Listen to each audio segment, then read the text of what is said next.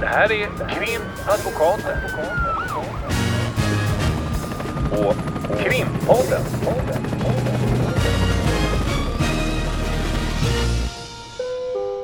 Parter och ombud kallas till sal 32. Hej Ulrika!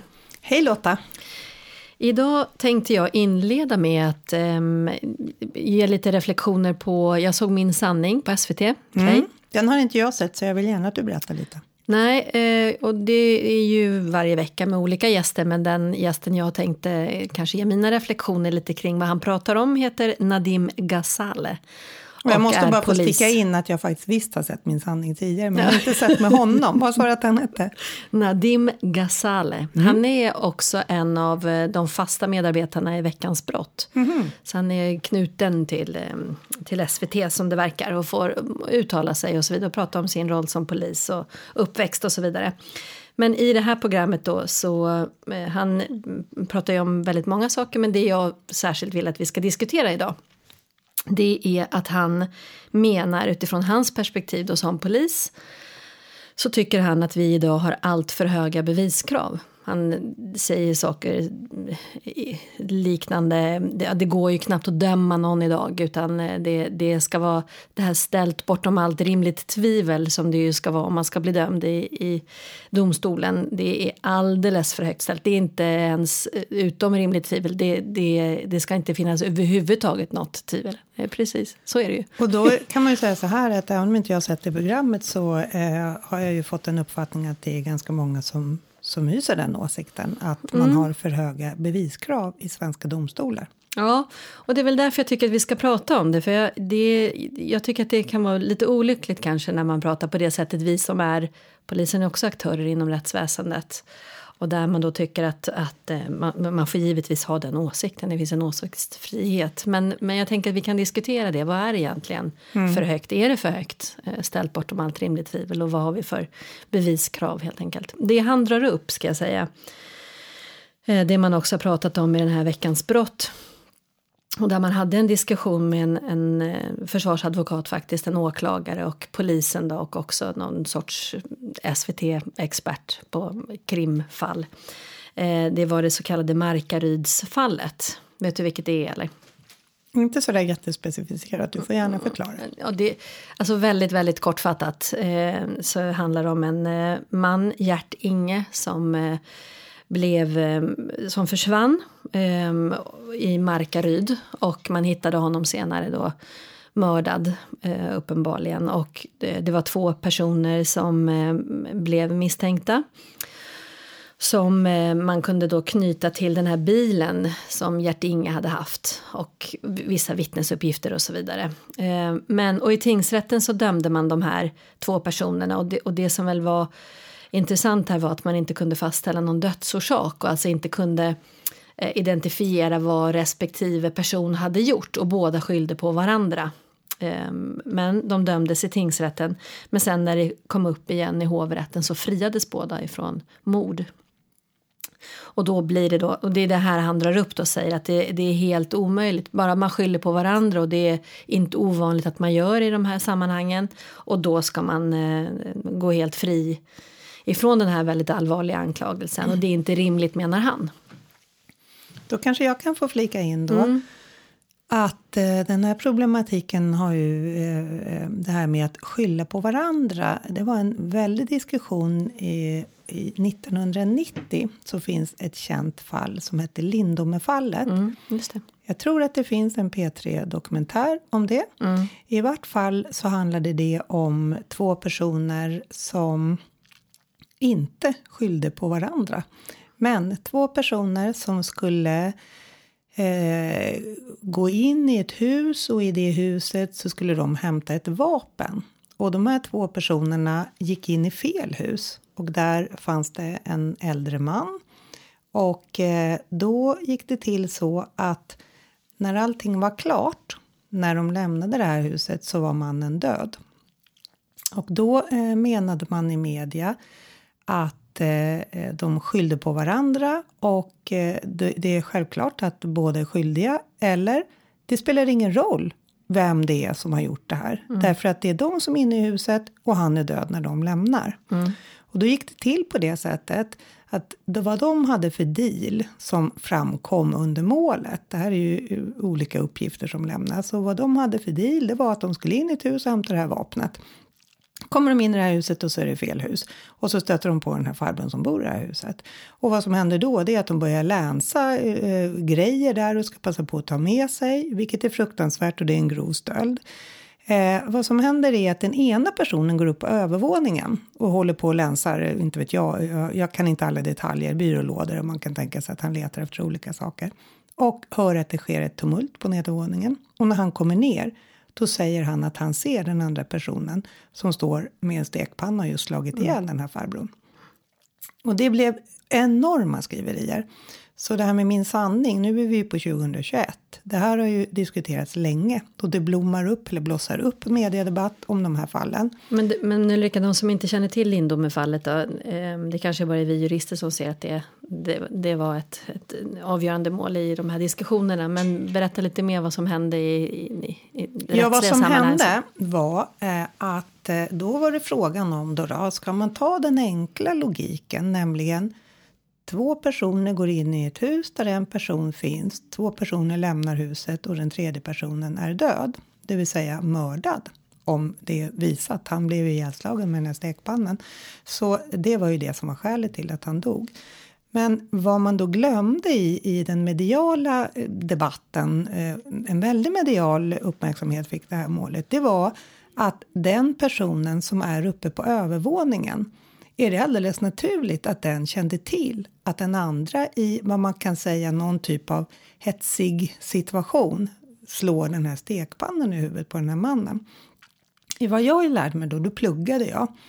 Och vad jag lärde mig av de diskussionerna utifrån universitetet, från juristlinjen, det var just att är det automatiskt så att båda ska dömas? Nej, så är det inte. Och vad jag själv tänkte och vad jag tänker ända sedan dess och kanske tidigare än så, det är ju tänk om det var jag som var med.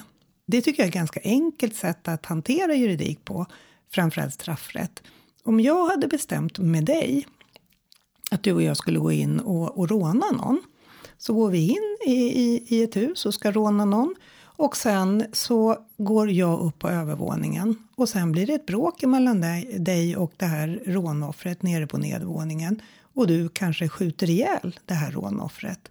Och jag står uppe på övervåningen och letar efter olika saker som jag ska sno med mig. Jag har ingen aning om att du nu faktiskt har kommit på att du ska döda den här personen och jag har ingen aning om att du dödar den här personen.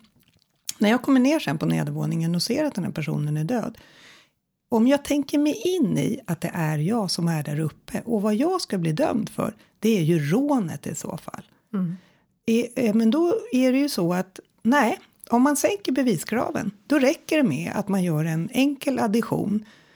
Tre personer, en faller bort, två är kvar, då ska de dömas. Mm. Men om jag är där på övervåningen och får då bli dömd för ett rån, men istället accepterar domstolen med de lägre beviskraven att jag också ska dömas för det som sker där nere när du gör grejer som jag inte är inblandad i. Mm. Om man bara tänker så så tycker jag att det inte är så konstigt att man inte vill ha så låga beviskrav.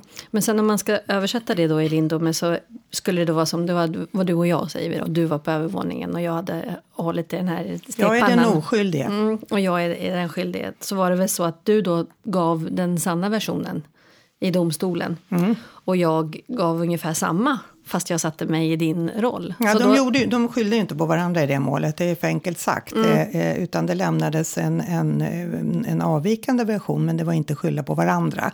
Men det är ju egentligen, det blev så det blev tolkat. Mm. Skyller man på varandra då kommer man undan. Så då blir, all, då blir det alltid så att Skyller man på varandra, då, då måste vi i diskussionen tänka att vi måste sänka beviskraven.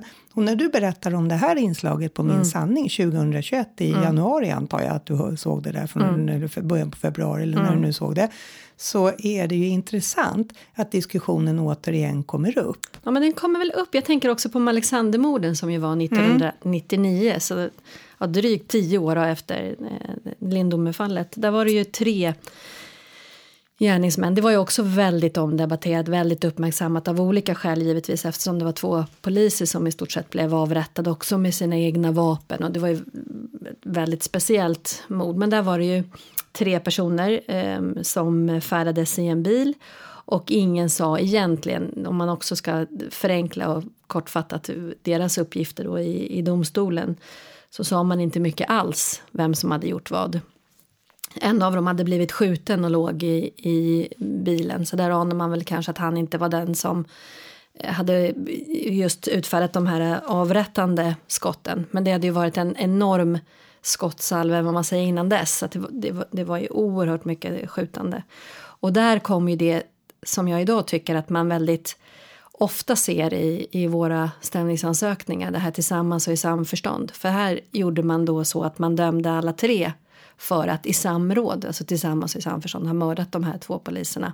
Och i den situationen, alltså om man inte säger någonting i den situationen eller om man då skyller på varandra så naturligtvis överlämnas ju ett, ett väldigt stort ansvar till polis och åklagare att identifiera vem har gjort vad eller har man gjort det här tillsammans i samförstånd. För även det upp, måste man ju uppfylla ett krav på att visa. På vilket sätt har man varit då? På vilket sätt har man ett medverkansansvar helt enkelt? Och då är det också intressant, du ska få fortsätta när jag har avbrutit mm. dig klart här. Det är ju inte så som det ibland framställs i media att det är att man döms för mord eller blir helt frikänd. Nej. Utan åklagaren har precis som du säger en möjlighet att säga att man har utfört den här handlingen tillsammans i samförstånd. Och vad det innebär är att om du och jag bestämmer oss för att vi ska ägna oss åt skadegörelse. Vi ska gå ut här på gatan utanför kontoret och så ska vi kasta stenar på en bil. Och så samlar vi upp en massa stenar, både du och jag, och sen börjar vi kasta de här stenarna på den här bilen. Idén är att vi ska helt enkelt utföra en skadegörelse. Mm. Men du är skitdålig på att kasta. Mm. För du har träningsverk i din högra än för du har tränat någon tennissport. Mm. Medan jag är, är jätteduktig på att kasta. Mm. Så att det är mina stenar som krossar den här bilens rutor och bucklar den här bilens plåt. Mm då är det så att du är helt med på den här brottsplanen. Vi agerar tillsammans i samförstånd eller i samråd som man kan säga. Mm. Vi agerar på samma sätt. Sen att det råkar vara mina stenar som förstör den här bilen, det spelar ingen roll. Så kan åklagaren då äh, välja att åtala att man har mördat någon tillsammans i samförstånd. Mm. Eller att man också har som ett alternativ att man menar att den ena har, av, om vi pratar om en skjutning, den ena har avlossat skotten och den andra har varit medhjälpare, det vill säga främjat den här gärningen mm. genom råd och dåd heter det. Och mm. det betyder att man genom att man kanske står och, och, och psykiskt sett, man behöver inte göra så jättemycket, men man kan Stärka den andra, stärka den andra liksom. precis, och finnas med. Och man kan också främja med dåd. Man kan mm ta fram en, en pistol och, och räcka över den. Mm. eller då, hålla fast. Eller? Ja, ja, då är det väl kanske mer att man är... Ja, men det men det finns ju så, ja, då finns mm. det så många olika varianter. Att mm. åtala bara för mord eller det som man kanske när man läser i media, media kanske lite slarviga med benämningarna där mm. och då blir det som att antingen blir det mord eh, eller också blir det ingenting. Men tillsammans i samförstånd eller medhjälp, det är lika allvarligt. Mm. Och tillsammans i samförstånd, då räknas de som är inblandade om de blir dömda som lika mycket gärningsmän. Mm. Så även om du inte träffar den här bilen med dina stenar och jag träffar bilen med mina stenar så är ditt uppsåt och din aktivitet lika mycket värd som min och då döms du som gärningsman och jag döms som gärningsman. Mm. Och det händer ju om du då får återkomma efter den här lilla inpassningen till Alexander. Vad mm. hände där? Ja men precis, men där gjorde man då den bedömningen att man eh, tillsammans i samförstånd helt enkelt var, var inne på att de här polismännen skulle dödas i och med att man hade, man hade en hel arsenal av, av vapen i, i den här flyktbilen som man ju då vet att alla tre satt i och sen hade man startat upp eld genom att skjuta genom bakrutan mot polisbilen. Och sen var det då inte fastställt vem som hade lämnat eller om flera hade lämnat bilen och tagit eh, polisernas tjänstevapen till slut och, och just avlossat de här eh, dödande skotten helt enkelt. Men i och med att det var en, en sån enorm härva med, med eh, andra skjutningar också så menar man att i vart fall då så är man ju likgiltig, även om man inte är den som gör just det dödande skottet, precis som du säger med stenarna här, även om, om skillnaden givetvis är, är gigantisk så, så är det ju samma tänk mm. bakom hur man, eh, hur man resonerar. Och då, då kan man ju också tänka att, eh, eller eh, efter den här Lindome-debatten eh, så, så var det också så att man tittade på det här, man gjorde utredningar kring det här och dåvarande, dåvarande eh, professorn, eh, om det var Madeleine Leijonhufvud eller om det var Susanne Wennberg, eh, någon av dem i alla fall, möjligen Leijonhufvud, dåvarande professoren vid Stockholms universitet i straffrätt, var ju ute också och, och försökte och, och beskriva hur, hur domstolen ska och hur domstolen gör. Och på den här tiden så var inte domstolarna själva ute så mycket domare och förklarade. Nu, nu har det ändrats. Mm. Men vad man också gjorde i de här, när man tittade på det utredningsmässigt så sa man vi kommer kanske inte ha så många såna här skylla på varandra, även om inte det var exakt så, men vi kanske inte kommer ha så mycket sådana fall om polisen vässar sina verktyg. Det vill mm. säga om man satsar eh, mer resurser på att polisen gör robusta utredningar. Att man till exempel, vi behöver inte prata om mord, men att om det är inte vet jag, en misshandel eller en mm. våldtäkt eller något, att man spelar in med ljud och bildfil redan det första förhöret. Att man eh, kartlägger tekniskt noggrant och, och sen har man också den utredningen att, att framtiden kommer ju också ge oss lite bättre verktyg när det gäller DNA och när det mm. gäller telefonanalyser och allt sånt där. Och det har vi ju idag. Ja, det märker man ju en stor skillnad med mm. DNA-analyser. Absolut. Och då är det ju också intressant att först är det Lindome och det var säkert någonting innan dess, men det var väl då jag började mm. vakna upp när jag började plugga juridik. Och sen säger du, då kommer Alexander och, och sen har vi Stureplansmålet mm. och sen har vi eh, den här polisen som nu idag då har berättat eh, om det där målet. Och, och, och idag, 2021, så är det ju egentligen inte så fasligt problematiskt att sticka ut hakan och säga att vi måste sänka beviskraven därför att det är det som opinionen och även många politiska partier mm. eh, kanske inte ute och säger rakt av men eh, det är ju strängare straff och det är mindre ungdomsrabatter och det är hela den här diskussionen som handlar om att går två in i ett hus och en blir dödad då ska vi döma dem. Mm. Det, det, är ju så opinionen ser ut idag. Mm. Och därför är det intressant att det, när det var diskussioner om Lindholmen, då såg inte opinionen ut så. Men sen har det fyllts på och fyllts på. Men åklagarna har med, det här, med, med den här möjligheten att åtala på olika sätt. Straffen ser likadana ut. Eh, men skillnaden är att opinionen nu har svängt. Mm. Och det som vi alltid är, bekymrar oss över det är ju om man nu efter tre skulle sänka beviskraven. För säger vi så här, två går in, en blir dödad, that's it, mm. de ska dömas för mord. Då är det ju det här med, som jag säger, tänk dig själv att vara den som står på övervåningen. Är det okej okay då att dömas för mord när man inte har en blekaste om vad som faktiskt händer? Ja, det är ofta det, och det vet jag vi har sagt väldigt många gånger i den här podden också, att man måste sätta sig själv i, i situationen. Hur skulle man själv vilja att det, att det skulle ske mm. om man var i den situationen.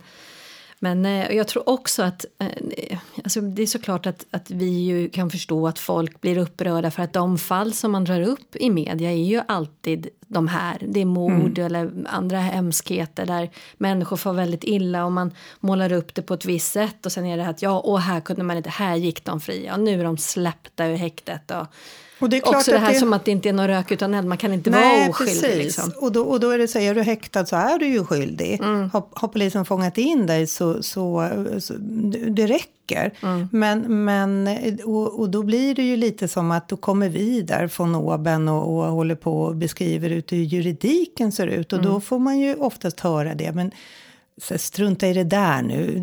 Två går in, en är död, kom igen, det är så här det ser ut. Mm. Vill, vill du att folk ska mördas och ingen ska dömas för det? Mm. Nej, men hade jag varit på övervåningen så hade jag banne mig inte velat bli dömd för mord mm. när jag faktiskt hade gjort mig skyldig till en grov stöld. Nej, men alltså, jag tror också att man vi behöver diskutera de här frågorna i ett mindre minerad, i mindre minerad mark helt mm. enkelt. Alltså det är bra att du tar upp det här med att kasta sten på en bil. Även om det är väldigt irriterande om man äger bilen så är det ju inte riktigt lika infekterat och det upprör inte lika mycket mm. känslor. Och då, det, det, blir på något sätt mer tydligt. Det är så lätt att tänka på, ja ah, men i det här fallet som i det här Markaryds det är klart att båda ska dömas, eller som du säger, två går in och en dör. Liksom. Mm.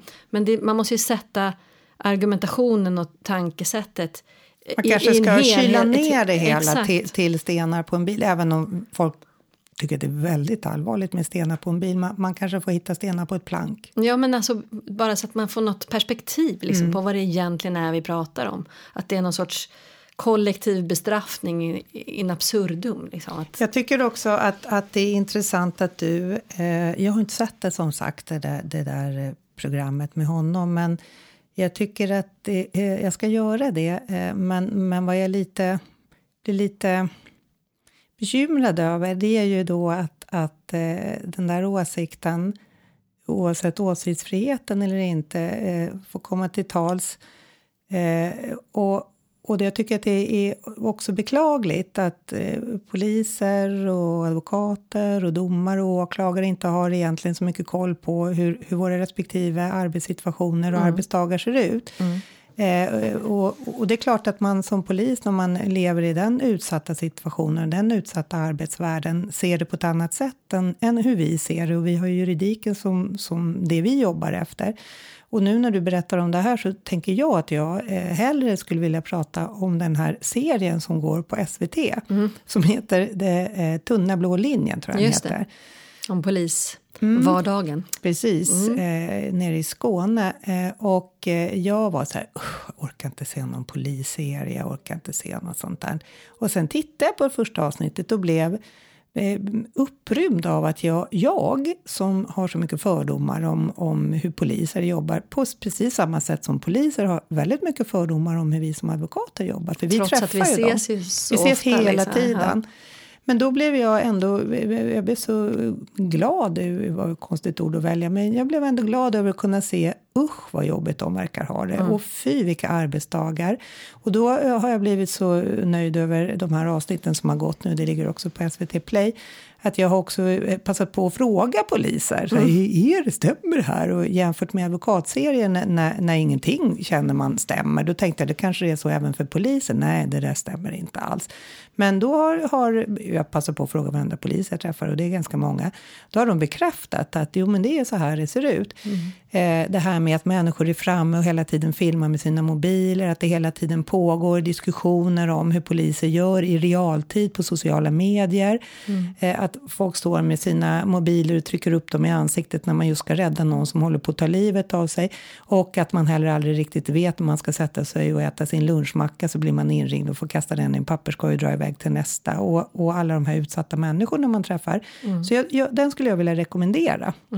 Jag tyckte den var, var intressant och nu när, när så många poliser som jag träffat ändå bekräftar, de säger vissa delar är lite överdrivna och så. Och det är det ju även i advokatserier, men, men det vi ofta sitter och retar oss på i advokatserier, det är ju inte om det är överdrivet eller inte, utan det är ju att det är det, Om det är tyvärr felaktigt. är felaktigt i många delar. Så det, det, det, den skulle jag vilja lobba för. Ja, och det som man just nu, om vi ska gå in på det, eh, en vardag eller hur advokater beter sig, så har vi ju lite eh, aktuellt. Just nu så går det ju vissa drev i tidningarna om eh, mer eller mindre etikföljande advokater. Det har varit jättemycket skriverier de senaste månaderna skulle man säga. Och kanske lite att det förhoppningsvis har pikat nu då när det handlar om eh, det som advokater har brutit mot eh, grundläggande regler när man har häktade klienter som har restriktioner. Det betyder att eh, en klient sitter häktad och ingen får träffa den klienten under tiden polisen bedriver sin utredning under ledning av åklagaren. Och den enda som då får enligt lagen träffa klienten, det är advokaten. Och det kallas för enrumsprivilegiet och det är ett jätteviktigt privilegium eller institut att klienten har en advokat som jobbar vid dess sida.